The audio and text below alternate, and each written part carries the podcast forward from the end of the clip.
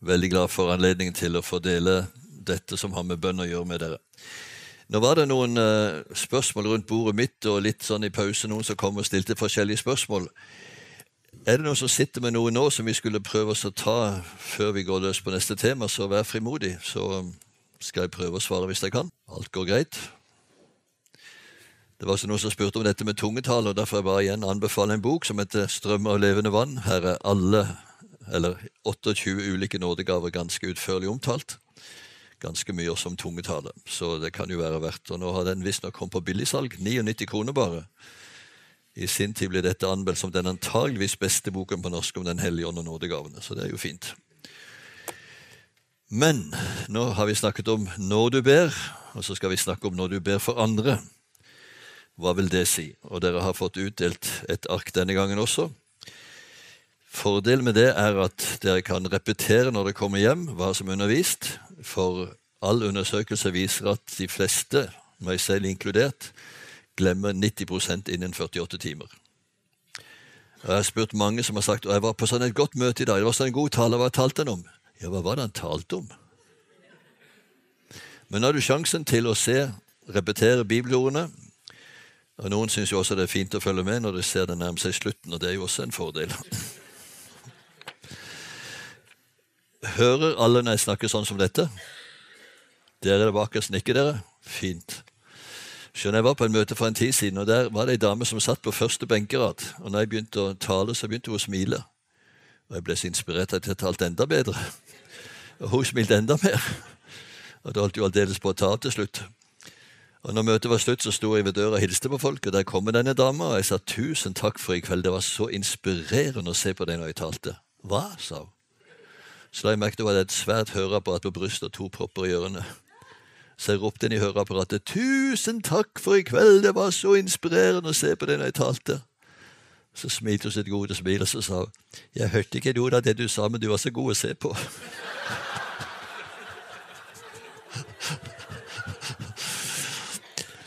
Så livet er ikke uten oppmuntringer. Jeg fikk forresten en fin oppmuntring av Vigle Svartdal for en tid siden. Jeg skulle gi han et kompliment. Så sa Egil, det er så flott å se på deg på TV. Du har sånn et godt ansikt. Du formidler så mye bare med ditt ansikt. Tusen takk, Oddvar. Du har et godt radioansikt.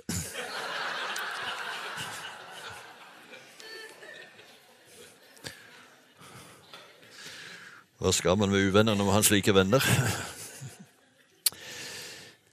Hva kan vi be om?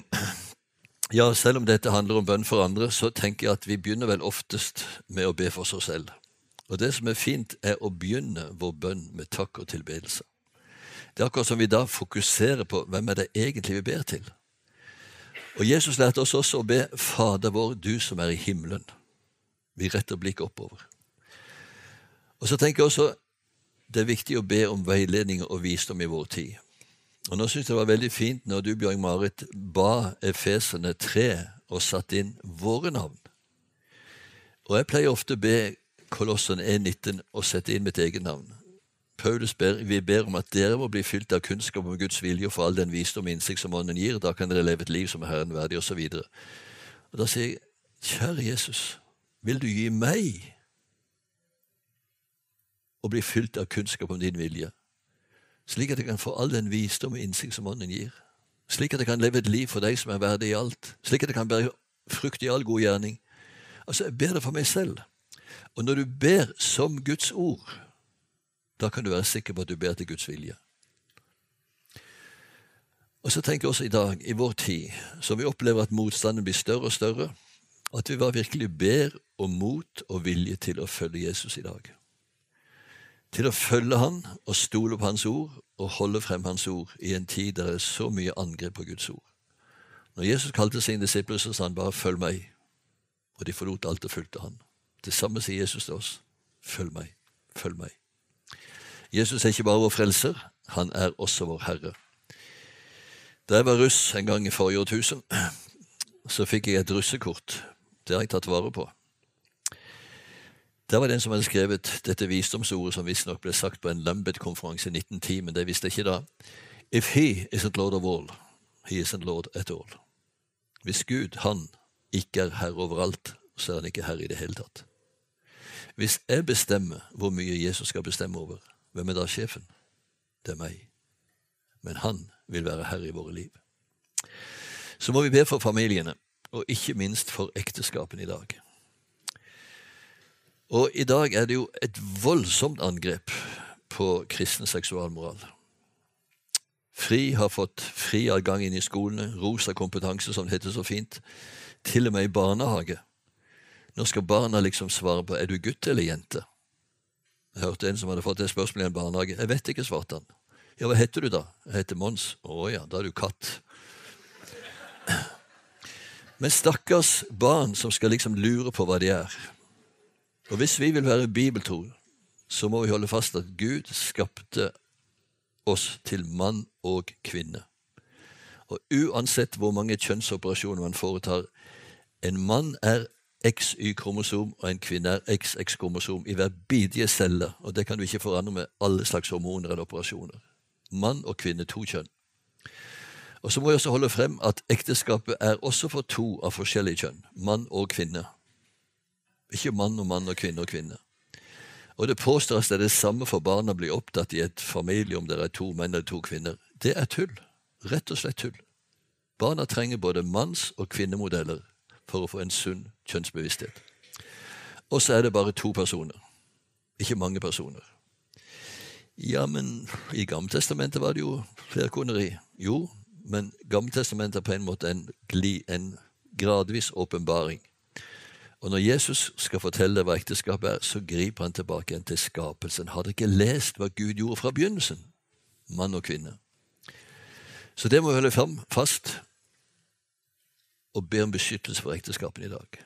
For de som lider mest ved skilsmisse, det er jo barna. Og Så er det viktig å be som familie.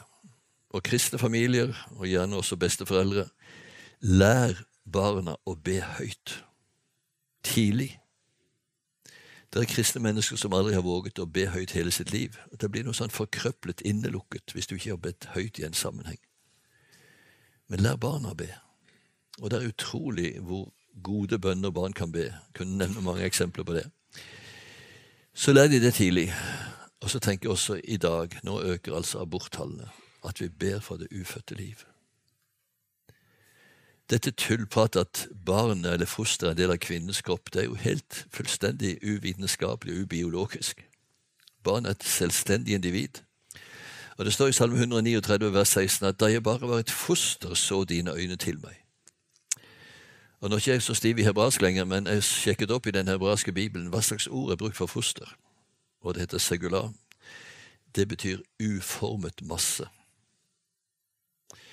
Den engelske oversettelsen har When I only was an unformed body, your eyes looked upon me.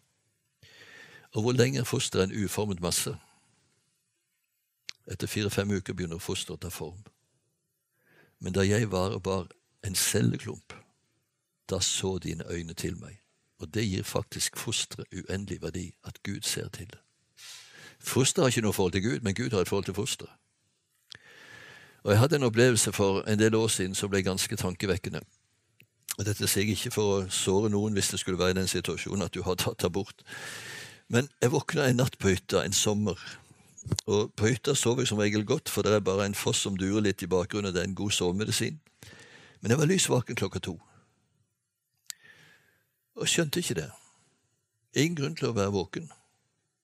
Men så hadde jeg jo lært det at det er bedre å snakke med hyrden enn å telle sauer. Så jeg spurte er det noen jeg skal be for deg nå ligger her og ikke får sove likevel. Og så ser jeg plutselig for meg ei ung dame som jeg hadde kjent, og som hadde flytta til Vestlandet. Og så får jeg sånn en nød for henne.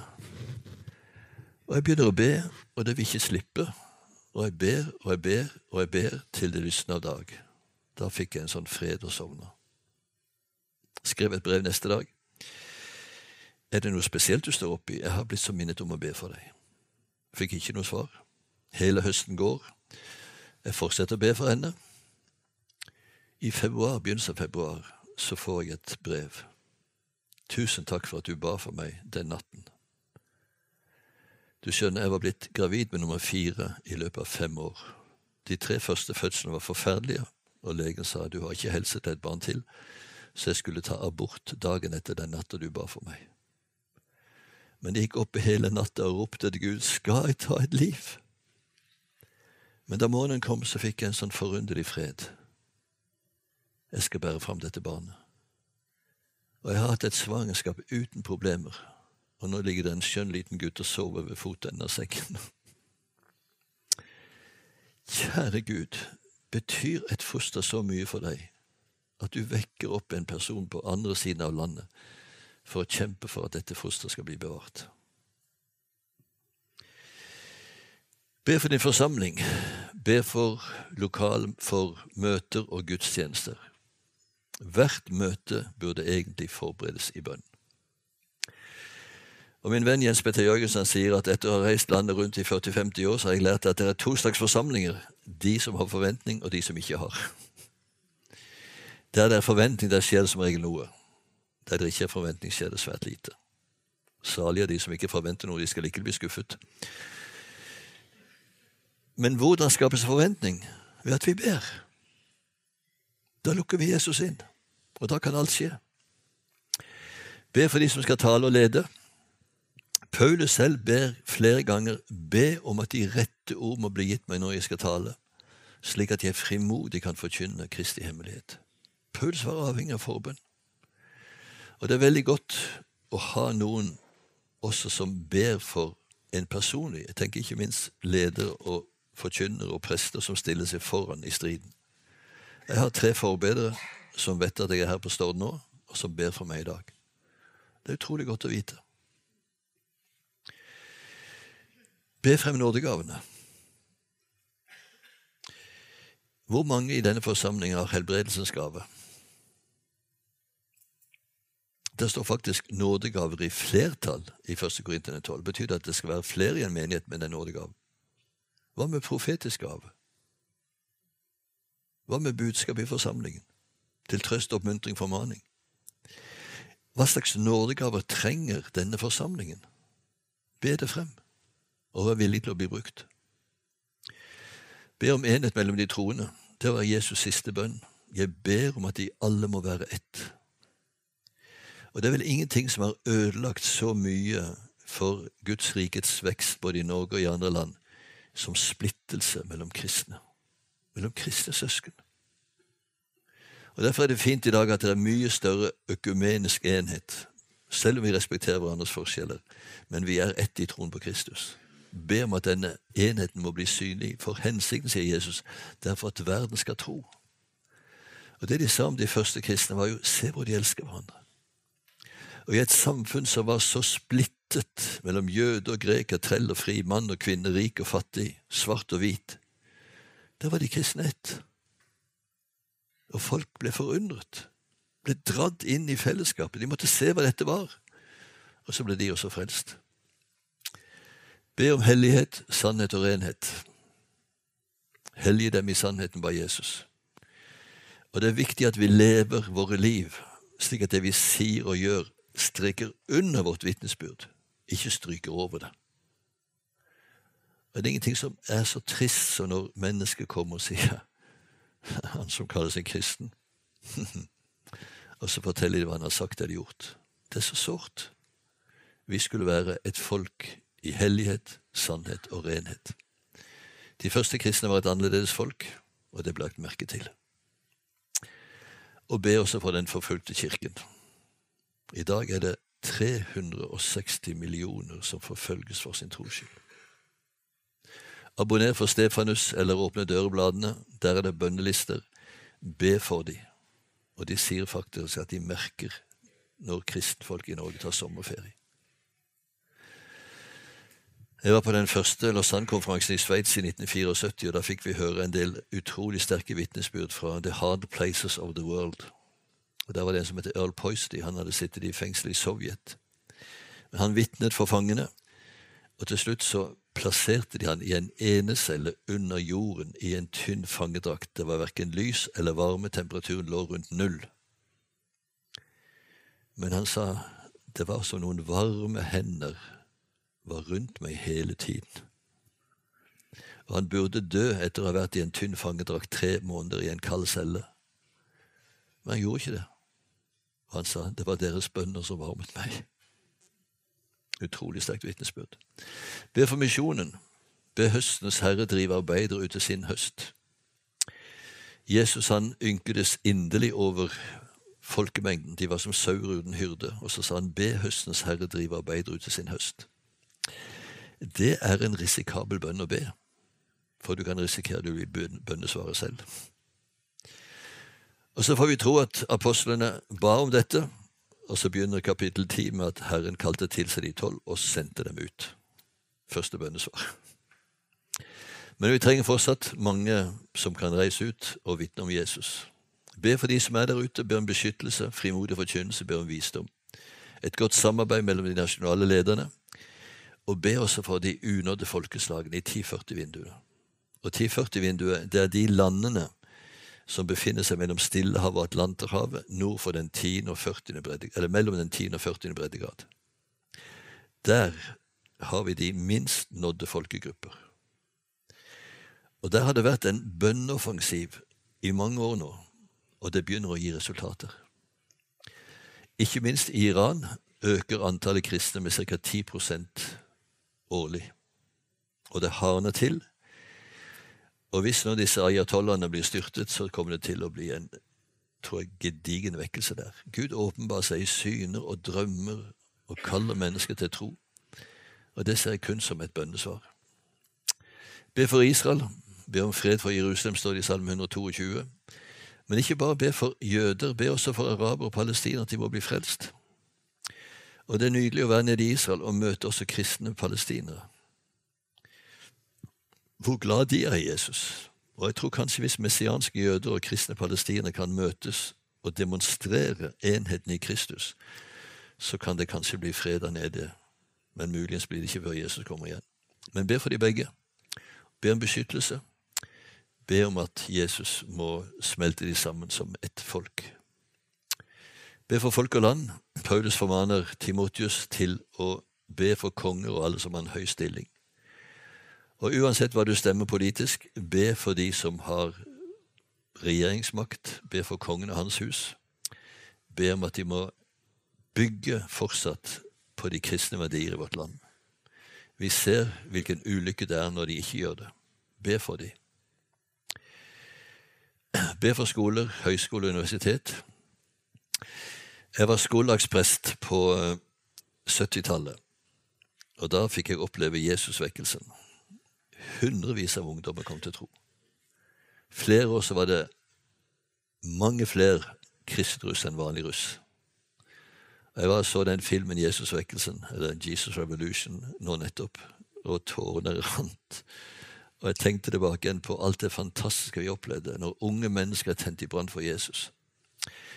Og be om at det må bli en vekkelse igjen over land og folk, og ikke minst våre skoler og høyskole og universitet.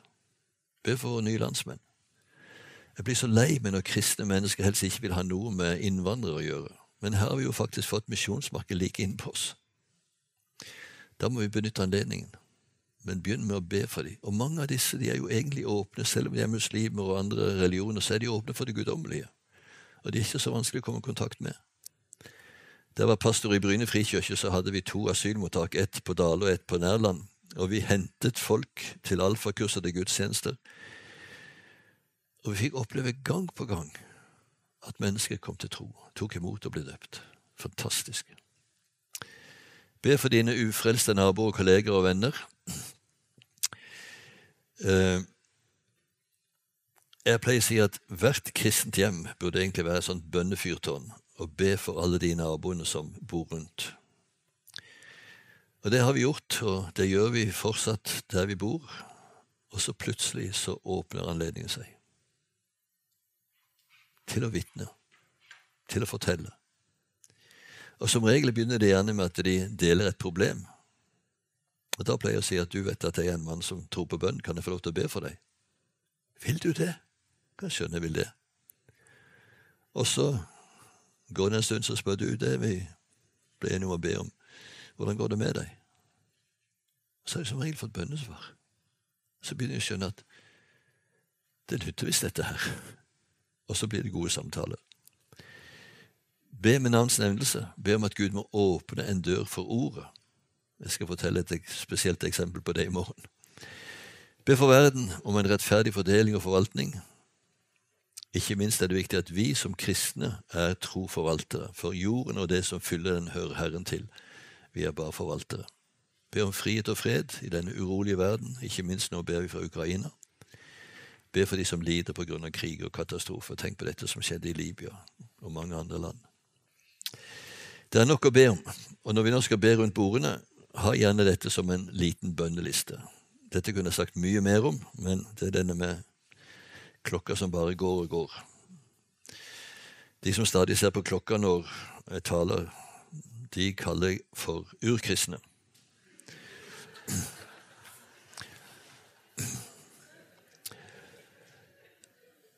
Men litt praktisk hvordan kan vi be? Og la meg si med en gang bønn er ikke magi. Det er ikke, dette er ikke en trylleformel som jeg nå skisserer opp for deg, slik at hvis du følger dette, så får du bønnhørelse hver gang. Nei. Men det kan være noen tips som du kan tenke å ta med deg. For det første sier Bibelen at vi kan be overalt. Herren er nær hos den som påkaller han, hos den som påkaller ham et oppriktig hjerte, står det i Salme 145. Og når Jesus samtaler med den samaritanske kvinnen, så husker dere at han sa Gud er ånd, og den som tilber ham, må tilbe i ånd og sannhet. Det er ikke spørsmål om Garisim eller Jerusalem. Gud kan tilbes hvor som helst. Og likevel så er det godt å ha et eget bønnested. Moses hadde faktisk et telt utenfor leiren. Der talte han med Gud som en mann taler med en annen mann, står det, ansikt til ansikt. Og Av og til når han kom tilbake igjen derfra, så så de at det strålte av ansiktet hans. Jesus han likte visst best å be ute i naturen, for det står at han ofte drog seg tilbake til ensomme steder for å be der. Og Han sier også når du ber, så skal du gå inn i ditt lønnkammer, lukke døren, og din far som ser det skjulte, han skal lønne deg i dagen. Og jeg må si, jeg var blitt ganske voksen før jeg skjønte hvor viktig det er med å ha et bønnested. Jeg var på mine første retreat i 1991, og stort sett har jeg vært på retreat årlig siden den gang. Men da opplevde jeg for første gang hvor viktig den ytre rammen er for den indre samling. Jeg hadde stort sett hatt min stillestund ved min skrivepult. Og hvis dere noen gang kommer på besøk og ser den, så ser dere at jeg fortsatt lever etter mottoet 'Den som har orden på sin skrivepult, han opplever ikke gleden for å finne ting han for lengst trodde var tapt'. Men den gleden opplever jeg stadig. Men det er ikke noe godt sted å be. Der ligger alt og gjør noe med meg, roper på meg. Så fikk jeg oppleve og det å være alene på et bønnerom. Så straks jeg kom hjem, så rydda jeg et kott, heiv ut alt det som var der, satte inn et bord, et alterbord, en kneleskammel, et Jesusbilde, en bokhylle, en stol. Og det var forunderlig. Det var også et takvindu. Jeg håpte det vendte mot Jerusalem, men det er jeg ikke sikker på. Men det å gå inn og lukke døren, lukke verden ute, være alene med Jesus, kunne stå, sitte, gå, knele, snakke høyt Det ble en helt annen dimensjon i mitt bønneliv. Og hvor jeg har bodd siden, har jeg hatt et bønnerom. Det er en del hus i dag som har et TV-rom. Sier det noe? Jeg tror det er lurt å ha et bønnerom. Eller iallfall et bønnested. Jeg har en uh, Han er nesten blind nå, dessverre, men han fortalte meg at den der svarte skinnlappørestolen der, det er Guds fang. Ingen får sitte i den uten at de skal be. Og når jeg setter meg der, så tenker jeg nå sitter jeg på Guds fang.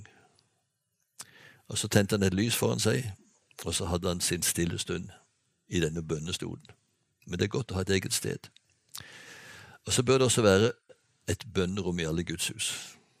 Og Nå vet jeg ikke om det er det på bedehuset her, men hvis det ikke er, så bør det kanskje prøve å få til et bønnerom, der det både kan samles og be for møtene, der det kan gå inn og bli bedt for. Det er faktisk bedehus som har åpent hele dagen, og kanskje deler av kvelden også, for at folk kan gå inn og be og bli bedt for.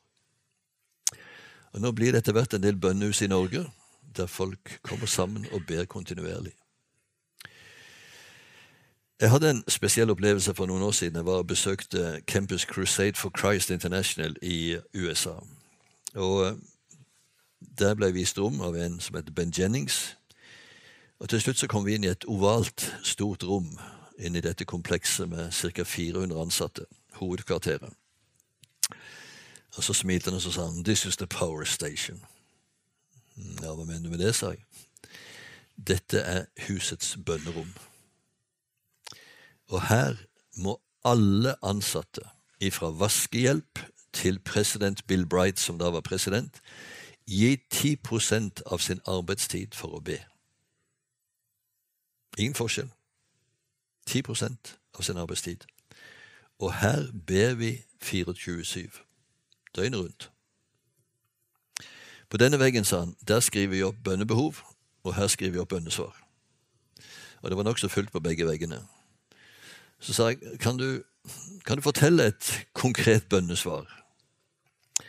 Ja, du vet jo det, sa han, at vi har jo misjonærer over hele verden, og for tiden så har vi et team inne i så nevnte han et arabisk land. Jeg vil ikke si det mer spesielt enn det, men jeg fikk vite et arabisk land. Og Der er det jo forbudt med bibler, sa han. Men vi har altså en gruppe inne som smugler bibler. Så vi har da bedt for disse at Gud måtte la oppdraget lykkes. Og her for et par dager siden så fikk vi bønnesvaret.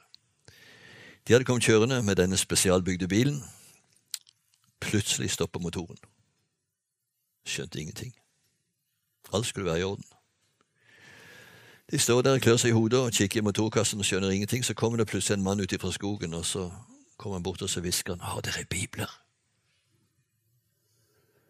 Ja, hvorfor spør du om det? Jo, han tilhørte en liten sånn en undergrunnsmenighet. Og de hadde fått et profetisk budskap i går, at det skulle komme en bil med bibler i dag til dette stedet. De åpnet sine hemmelige rom og leste det opp så mange bibler han kunne bære. Ganske konkret bønnesvar. Nå kan vi be til enhver tid. Be til enhver tid i ånden, sier Paulus. Men det kan også være godt å ha faste avtaler. Om morgenen søker jeg ditt ansikt, tidlig renner jeg meg mot deg og venter, sier David i Salme 5,4. Men så var jeg gift med et B-menneske og fant ut at B-mennesket kan ikke be om morgenen. Så da er det godt at det står i Salme 119 vers 62 midt på natten står jeg opp og priser deg. Det som er viktig, er at du finner det som fungerer for deg. Vi er i forskjellig livssituasjon, vi har forskjellig type og legning. Vi har forskjellige behov og rammer. Finn det som fungerer for deg, og hold fast ved det. Men ha gjerne faste avtaler. Og Det er en gammel tradisjon i kirken å ha faste tiderbønner hver tredje time, eller morgen, middag og kveld. Og det minner oss om at vi skal søke først Guds rike. Bruk Bibelen. Ja, la det du mediterer over når du har lest, formuleres i en bønn. Salig er den som grunner på Herrens ord dag og natt. Han er like tre plantet ved bekket med rennende vann. Og Når du har lest Bibelen, så spør gjerne hva betyr dette for meg. Grunn på det. Så får du kanskje noen sånne aha-opplevelser. Be som Guds ord. Det har jeg nevnt eksempler på allerede. Bruk gjerne Salmenes bok som bønnebok.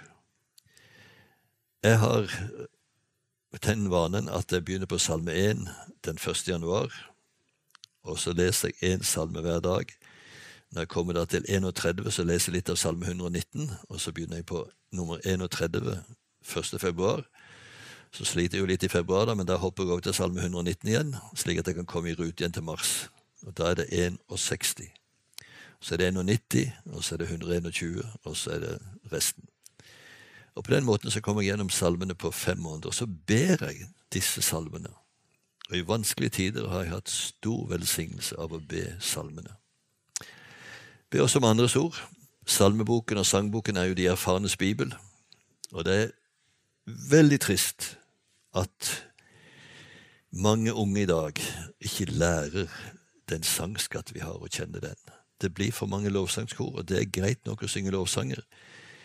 Men det er også mange sanger som er forkynnelse av Guds storverk og store bibelske sannheter. Og Det finnes en del bønnebøker. Det er noen som mener at det kan ikke være noe åndelig å be faste, skrevne bønner av andre. Jo, det kan det være. For det er veldig lett at vår bønn blir veldig mange gjentagelser av det som vi stadig ber for. Og så kan du faktisk i forskjellige bønnebøker finne bønner nesten for ethvert behov. og der du får hjelp til å sette ord på din smerte eller din glede eller hva det måtte være. Og jeg tenker, Det er ikke hvem som har formulert det som er det viktigste, men at du kan legge ditt hjerte i det. Jeg har en bok som heter De 100 beste kjærlighetsdikt. Og når jeg skal si noe skikkelig flott til min kone, så er mine ord altfor fattige. Men kan jeg få lese et nydelig kjærlighetsdikt som jeg kan legge mitt hjerte i, så blir det mye bedre. Litt om bønnestillinger. Er det aktuelt? Ja, jeg tror faktisk at kroppen vår vil være med i bønnen. Og hvis ikke kroppen får være med, så kan det ofte virke litt sånn bremsende på bønnen. Og Den vanligste bønnestillingen det er vel kanskje å knele i Bibelen. Det gjør man når man er i nød, det gjør man når man skal betjene synd. Ja, faktisk også i tilbedelse noen ganger. Man faller på kne for Herrens storhet og herlighet. Noen ganger kanskje nesten med ansiktet mot jorden. Stående det er først og fremst kampstillingen og lovprisningsstillingen. Dere husker kanskje denne beretningen om da lille Judalandet ble angrepet av tre mektige hærer. Moabittene, ammonittene og maunittene. Og de hadde rett og slett ikke sjans. Og Da innkaller kong Josjafat til en nasjonalt bønnemøte. Og Det står at de sto der alle sammen foran Guds ansikt. Mennene, kvinnene, til og med småbarna. De sto, og de ba. Herre, hold øye med deres trusler. Vi har ikke makt til å stå mot denne store Herren, men mine øyne eller våre øyne er vendt mot deg.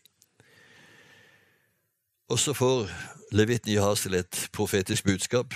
Vær ikke redde, det er ikke dere som skal kjempe denne gang. Dere skal bare stå og se hvordan Herren frelser dere.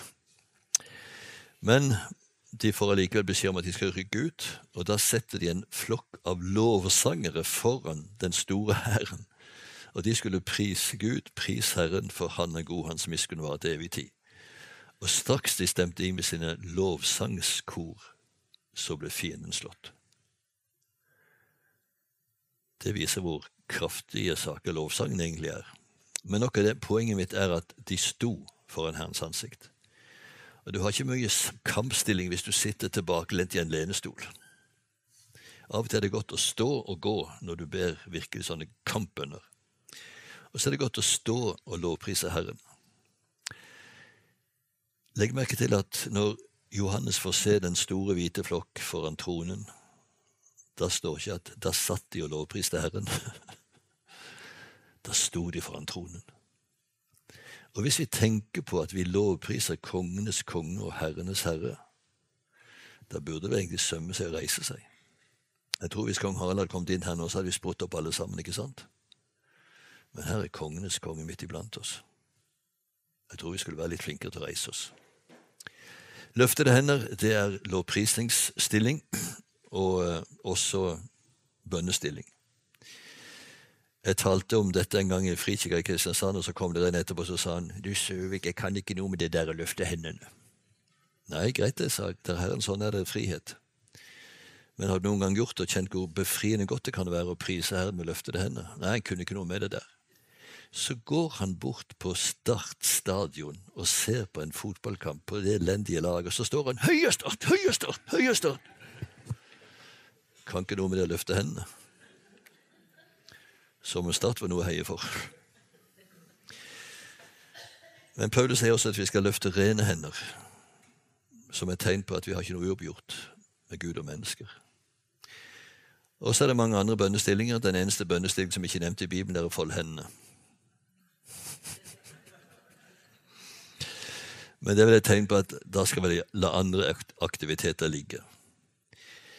Det hebraiske språket har jeg tror bortimot 50 verb for å lovprise, og det greske har ca. 30. Og det er alltid fra den stille, nesten hviskende lovprisning til hopp og tramp og klapp og you name it. Lovprisning, ja, da betyr å løfte, prise med løftede hender. Halleluja betyr egentlig å rope høyt for Gud, osv., osv. En rik variasjon. Og David han sier jo i Salme 103 Lov Herren min sjel, og alt som i meg er, love Hans hellige navn. Og Det betyr ikke bare overlepper, det betyr faktisk hele oss. Litt om fellesbønn. Jeg hadde veldig vanskelig for å be høyt da jeg var tenåring. Jeg likte å gå på det ukentlige småmøtet, som de kalte det på bedehuset. Det var bønn- og vitnemøte. Først var det vitnesbyrd, og så skulle vi be. Så delte vi noen bønneemner. Og så begynte de å be i en ende av en benk, og så ba de hele den benken, og så ba de tilbake igjen den benken, og jeg ble alltid sittende ytterst av en eller annen grunn. Og når alle hadde bedt og nevnt alle ting hver eneste gang, og bedt lenge, og bedt med kanoniske klisjeer og hebraisk aksent, så følte jo jeg at mine puslete bønner det var liksom ikke noe å regne med, så jeg ba aldri høyt. Men så kom jeg på gymnaset, og der var det bønnemøte. Og der sier bønne, hun som leder bønnemøtet, nå skal vi ikke be lange bønner, nå skal vi bare be én setning hver. Men du kan be så mange ganger du vil, men bare én setning hver. Vi behøver ikke si 'Kjære Jesus', vi behøver ikke si 'Ammen'. Nå har vi en samtale med Jesus sammen. Og for første gang i mitt liv så fikk jeg åpne munnen og be én setning. Du kan be om noe, du kan be for noe, du kan takke for noe, sa, men én setning om gangen, ikke noe mer. Og det var noe befriende ved det. Jeg tror jeg bare tre setninger tre ganger. Og det kan være en måte å på en måte forløse litt av bønnen. Ikke noe lange bønner nå. En setning. Det er nok. Heller flere ganger.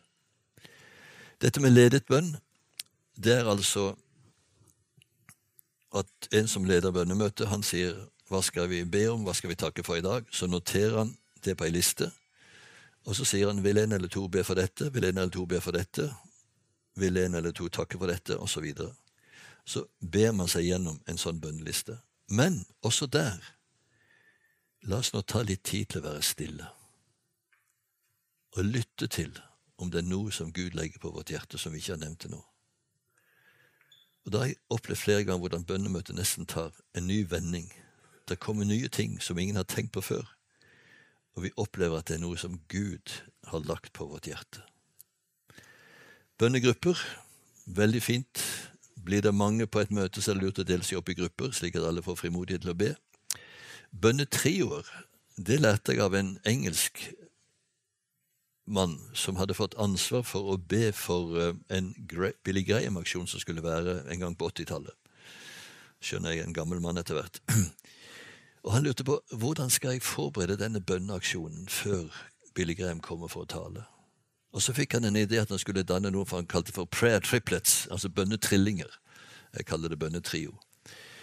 Han ba tre og tre personer om å be for tre ufrelste ved navnsnevnelse. De skulle komme sammen en gang i uka, enten på kontoret der de jobbet, fabrikk, trappeoppgang, gate, hva det måtte være. Be for tre ufrelste venner med navnsnevnelse. Han fikk dannet 4000 sånne grupper. Og de ba ett år før Billy Graham kom. Og så sa han alle gruppene opplevde at minst én av de de ba for, ble frelst før aksjonen startet. Og så ble mange flere frelst under aksjonen. Og Jeg har gitt det tipset videre til andre, og de har fått opplevd det samme. Bedt en stund, tatt kontakt, opplevd at her har Gud virket. Jeg fortalte meg at de hadde bedt for tre hver, og så inviterte de til samtale i bibelgruppe. Og så fortalte hun nå er alle blitt frelst. Det eneste vi gjorde, det var å lese Bibelen, sa hun. Vi leste Johannes evangeliet et lite avsnitt hver gang, og så spurte vi hvem er Jesus? Punkt to hva sa han, og hva gjorde han? Punkt tre hva betyr dette for oss i dag? Etter et års tid og har snakket seg gjennom Johannes evangeliet, så var de kommet til tro hele gjengen. Ordet skaper hva det nevner. Bønnelenker, det hadde vi også på Bryne. Det var en sånn en nødlenke. Vi var ca. ti stykker. Hvis noen hadde akutt bønnebehov, så kunne vedkommende ringe til formannen i denne bønnegruppa, som ringte til neste, som ringte til neste, som ringte til neste. Og på 1, 2, 3 så var ti stykker mobilisert i bønn der og da. Og da måtte du begynne å be med en gang. Og vi opplevde folk som ble spontant helbredet, og mange underlige bønnhørelser. Ei bestemor ringte og fortalte at datteren hennes hadde født et barn, og det var helt feilaktige blodverdier, så hun kom til å stryke med i løpet av et par døgn hvis de greide å holde liv i henne så lenge. Og Jeg fikk en telefon på morgenen. Nå må vi be for Så nevnte hun mora og dette barnet. Og neste dag så var blodverdiene helt fine. Og jeg har fått vite etterpå at jenta har vært frisk. Kunne nevne mange eksempler også. Bønnemarsjer. Det kan jo være to og to som går og ber opp gjennom gater og ned i gater og ber for de de møter og hus og politistasjoner, skole, universitet osv. Eller, som vi har hatt gjort noen ganger, stor marsj gjennom byen med lovsang og tilbedelse og plakater og det hele. Og så har jeg veldig sans for tverrkirkelige bønnemøter. Dette kommer sammen på tvers av menigheten og be sammen. For jo mer vi ber, jo nærmere kommer vi Jesus, og jo nærmere kommer vi hverandre. Og det er kanskje den beste måten å drive økumenikk på. Og helt til slutt, etter denne gode grautmiddagen, så la meg si litt om bønn og faste. Hva er faste? Det greske ordet nesteven betyr ikke spise. Og det betyr rett og slett å la være å spise mat. Det er det primære ordet betyr. Og det finnes forskjellige former for faste. Ester, da hun skulle inn til kongen, da oppfordret hun alle jødene til å verken spise mat eller drikke vann i tre dager. Og Stort lenger kan man ikke være uten vann, det trenger man, men man kan faste mye lenger. Daniel hans venner de spiste bare grønnsaker. De ville ikke ha disse fete rettene ved kongens bord. Og Paulus nevner seksuell avholdenhet i ekteskapet som en form for faste. Altså, Det er et avhold fra noe for å kunne vie seg mer til bønn og stillhet innenfor Guds ansikt. Og hvorfor kan fastene være en hjelp i bønnelivet? Jo, du får etter hvert en større indre ro. Kanskje først etter to-tre dager. Da er liksom kroppen innstilt på at nå ble det ikke mer mat. Så du får en dypere ro, og du får mer ro. Tenk på all den tid som går med til å lage mat og spise mat og vaske opp og hele pakka. Det blir frigjort til bønn. Så skjer det en renselse av kroppen, rent fysisk. Men kanskje enda viktigere når du kommer inn i Guds nærhet og blir gjennomlyst av Hans ånd så er det synd som må bekjennes. Og det er ofte en forutsetning for å kunne bli rettledet. Og Vi ser f.eks. i Salme 13, i Apostelen 13 hvordan ble de første misjonærer tatt ut? Jo, de holdt bønn og fastet. Og da sa Den hellige ånd, ta ut for meg Saulus og Barnabas til den tjeneste jeg har kalt dem til. Og så skjer det også en utrustning til tjeneste når vi er i bønnens konsentrasjon og stillhet. Det er litt interessant når det står om denne faren som kom til Jesus med gutten sin, som var alvorlig plaget av en uren ånd, eller ond ånd. Da sier han at disiplene kunne ikke drive den ut. Og så kommer Jesus. Om du formår, sier mannen. Om jeg formår, sier Jesus. Alt er mulig for den som tror. Og da tenker jeg Jesus mente seg selv. Men mannen misforstår. 'Jeg tror, hjelp meg, min vantro'. Han var ikke vantro, men var sterkt tvilende. Hadde det vært vantro, så hadde han ikke kommet. Men Jesus driver ut den onde ånd, og så kommer disiplene og spør hvorfor klarte ikke vi det? Dette slag kan bare drives ut ved bønn og faste, sa Jesus. Og det er noe med den utrustningen som skjer når vi søker Herren. Hvordan skal vi faste? Ja, for all del, det er en sak mellom deg og Gud. Når du faster, sier Jesus, skal du ikke sette opp en dyster mine slik som hyklerne gjør. Nei, du skal gjøre det i stillhet innenfor Herren. Og Nå lever de fleste av oss i en nokså hektisk tilværelse, men prøv om du kan sette av i din kalender én dag, to dager, tre dager, kanskje en hel uke. Jeg har aldri fastet lenger enn en uke, men jeg har faktisk et par venner som har fasta 40 dager. Da bør man trappe ned litt rolig, sløyfe kaffe et par-tre dager før man går inn i fasten, og begynne forsiktig jo lenger fasten har vært. Jeg har brukt faste når det er vanskelige avgjørelser, når det er kamper for andre. Og når så jeg har fått bønnesvar, så har det ikke grunn vært noen vits i å faste lenger.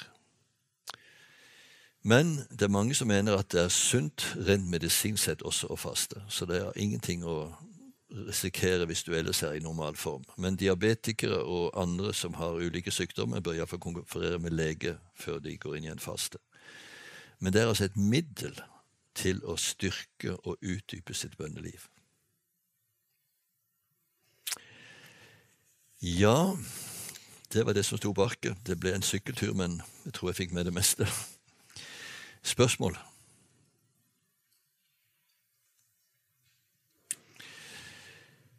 Da tenkte vi at vi skulle gjøre det sånn at nå kan dere snu dere mot hverandre, fire til seks stykker rundt hvert bord. Så kan dere gjerne dele med hverandre om dere har konkrete bønneemner. Eller dere kan bruke dette arket, venstre side, og kjenne etter er det noen av de temaene jeg hadde hatt lyst til å kanskje be spesielt for. Og mens bønnen pågår, så er det også anledning til å komme bak i salen der borte hvis du har konkrete bønneemner, ønsker forbønn for sykdom eller for noe annet som du står midt oppi, eller rett og slett bare at du kjenner det hadde vært godt om noen ville be om velsignelse for meg. Så er vi noen stykker som vil gå bak i salen der, og så setter vi på litt forsiktig musikk, kanskje. Og så ber dere rundt bordene. Iallfall en ti minutters tid. Og det gjør ingenting når dere sitter stille. Da kan dere binde i dere. Det er ikke noe påbud om at du må be høyt. Men hvis du ikke har bedt høyt noen gang før, så er kanskje dagen kommet til å gjøre det. Én setning. For deg selv, for dine nære og kjære, for din nabo, eller om noe, eller takke for noe. Det er 7441 løfter i Bibelen, var det en som fortalte meg. Jeg har ikke regnet dette, men da har du 7441 grunner til å takke Gud. Så det skulle være litt å ta i. da går vi i gang.